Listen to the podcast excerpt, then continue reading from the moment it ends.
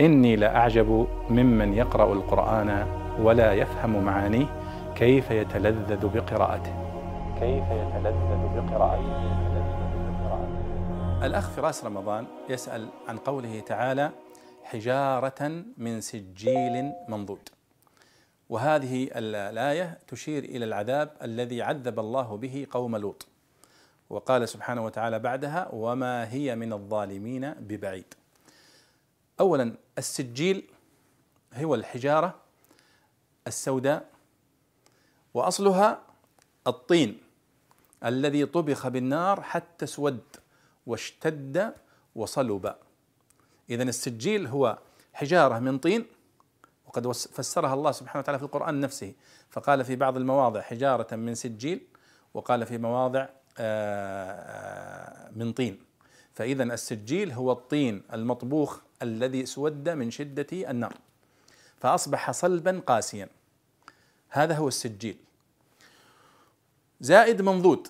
المنضود هو المتتابع المنظم. فالله سبحانه وتعالى أرسل على قوم لوط حجارة من سجيل منضود. فإذا هو سجيل من من حجارة سوداء أصلها كانت طين طبخ على النار حتى اسود فأصبح صلبا. وأرسلها بطريقة منظمة متتالية عليهم حتى أهلكتهم عن بكرة أبيهم.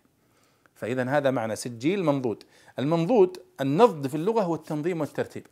فكأنه رصاص متتابع حجارة متتابعة. هذا معناها. والله سبحانه وتعالى وصف الثمر الذي يكون في النخيل بأنه آه، طلعها نضيد بمعنى مرتب. وحتى الآن لما يرتب الأثاث في البيت أو في الغرفة يقال أثاث منضد يعني مرتب. فإذا سجيل منضود يعني متتابع. من شدته متتابع متتابع حتى أهلكهم جميعا. فإذا هذا معنى قوله من سجيل منضود يعني من حجارة سوداء صلبة متتابعة. وأما قوله في آخر الآية وما هي من الظالمين ببعيد؟